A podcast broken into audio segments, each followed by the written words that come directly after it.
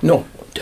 Det er to saker med forsvarspolitikk på rad, men jeg kan gå bort fra at Odd Einar Dørum under debatten om verneplikt eller ikke Versus verneplikt, profesjonelt forsvar. forsvar klarte å komme med uttalelser om at Og dette var nå på Det var på landsmøtet. landsmøtet eh, på, på, på lørdag som var. Det var at man var redd for at vi skulle få et forsvar med halvbrune våpen og nazister. Ja. Og jeg kan ikke si at er ikke det Du har vært, du har vært utenlandsoperasjoner flere ganger. Ja, eh, ja da. Petter. Er ikke det her å vise fingeren til personer som tjenestegjør i Bosnia, eh, i Kosovo, Afghanistan, Somalia. Disse menneskene som virkelig tar på seg er profesjonelle og reiser ut. Opplever du disse holdningene? Liksom, det, det er nesten graverende av en tidligere statsråd som har vært med å sende disse menneskene ut i konflikt. Jeg, eh, jeg vil jo si det. Eh, Altså, Som du antyder, jeg, Terje Hattvik, har jo da vært veldig mye ute i Balkan, i Midtøsten, Afghanistan, også Somalia.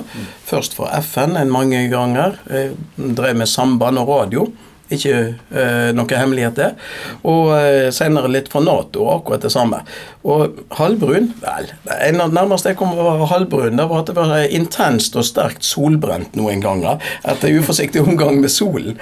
Men rett og slett, jeg var, jeg var jo en del av dette eh, vernepliktsforsvaret, amatørforsvaret, som er blitt mer semiprofesjonalisert. Så jeg begynte vel egentlig som en vanlig mann, og så har jeg avslutta som en semiprofesjonell. Og nå er jeg pensjonist. Men vanlig mann er du fremdeles, eh, Terje. Heldigvis. Du har ikke, du har ikke blitt verken brun eller våpenjournalist gjennom dine år i Forsvaret. Nå, nå, nå er det mange måter å onanere på, men, Ja, ja, ja. men i lag med våpen, det blir vanskelig. Du kan gjerne påstå i ditt tilfelle så er det å håndtere våpen uansett. Men, eh, men, eh, men, men uansett så syns jeg det Jeg kan ikke tenke meg noe mindre liberalt enn å, enn å generalisere en yrkesgruppe og si at de er fascister.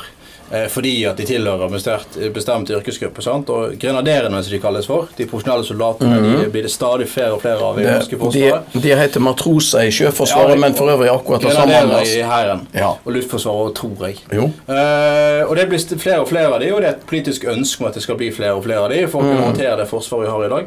Eh, og, men det, altså det er liksom eh, Det er så grunnleggende respektløst å, uh, liksom stigmatisere en gruppe og si at de er fascister fordi at de faktisk er dyktige soldater. Det sin. det blir jo Unnskyld, bare. Det blir jo egentlig som å si at alle tidligere stortingsrepresentanter er idioter. Selv, selvsagt er jeg med den generaliseringen litt nærmere sannheten. All, ja, eller at alle som jobber i barnehage, er pedofile. Det mest, mest graverende med dette er jo faktisk det at personen selv har vært med å sende disse guttene ut. Han mener selv at man har sendt ut våpengale fascister ut, Ja, ja. ut i Ja. kamp. Ja. Det er mest graverende. Det viser ja. hva slags syn egentlig han også har. Ja, ja, ja. At han kan Eller han, han har jo teknisk, ikke, teknisk sett ikke hatt hovedansvar for å sende det ut, i og med at han ikke var statsminister. Men han var justis... justi... han har sittet i et kollegium med andre personer. Ikke sant. Og han var satt i regjeringen, han var justisminister i fire år.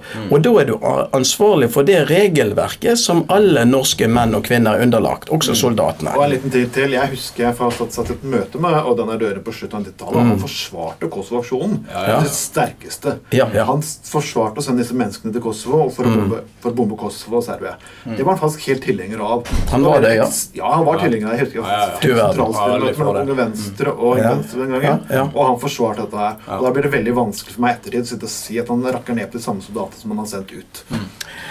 Nei, det ja. Altså, han, er- han er faktisk blitt et eh, Det er synd å si det, men jeg tror jeg skal si det likevel. Han er, han er blitt et klassisk eksempel på at høna At han er ei høne som er blitt så gammel at hun har glemt at hun har, har vært egg. Ja, rett og slett. Og med de vise ordene her så avslutter vi debatten, og vi kommer tilbake med mer etter den her.